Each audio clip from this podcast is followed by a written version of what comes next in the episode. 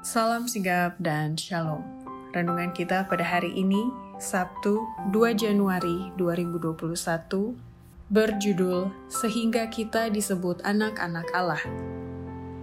Ayat intinya terdapat di dalam 1 Yohanes 3 ayat 1. Lihatlah betapa besarnya kasih yang dikaruniakan Bapa kepada kita, sehingga kita disebut anak-anak Allah. Dan memang kita adalah anak-anak Allah. Karena itu dunia tidak mengenal kita, sebab dunia tidak mengenal dia.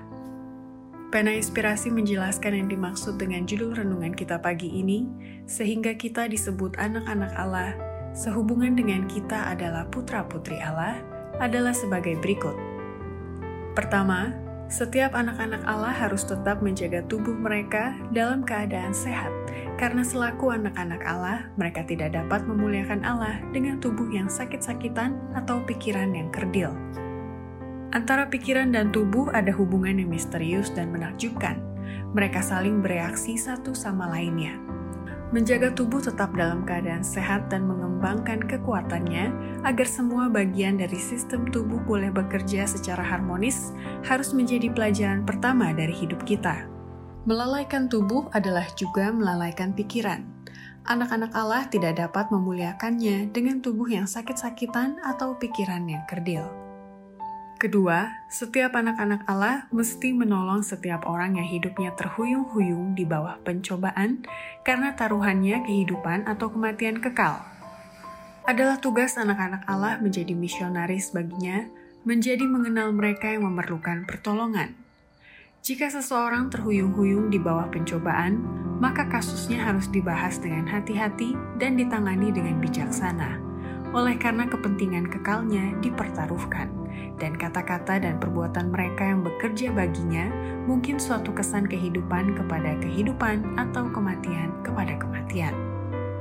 Ketiga, setiap anak-anak Allah perlu ikut hadir dalam setiap persekutuan dan ikut memberikan firman yang hidup agar setiap orang yang hadir dapat mendengarkannya.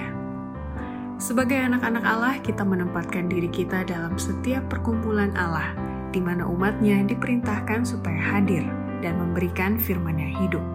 Semua orang memerlukan terang dan semua pertolongan yang bisa didapat agar bila mana mereka telah mendengar dan menerima pekabaran penting dari surga melalui agen-agen Allah yang telah ditugaskan, mereka boleh siap sedia mengaruniakan kepada orang lain terang yang diberikan. Keempat, setiap anak-anak Allah harus selalu bergantung kepada Allah, agar hidup mereka bisa menjadi alat yang sederhana untuk melakukan kehendaknya. Baiklah kita ingat bahwa kehidupan anak-anak Allah di dalam dunia ini adalah kehidupan pengembaraan. Kita tidak mempunyai hikmat untuk merencanakan hidup kita sendiri. Bukan tugas kita untuk membentuk masa depan kita.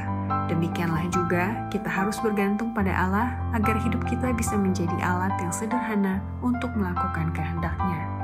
Pada waktu kita menyerahkan jalan-jalan kita kepadanya, ia akan menuntun langkah-langkah kita. Demikianlah renungan kita pada hari ini. Kiranya Tuhan memberkati kita semua.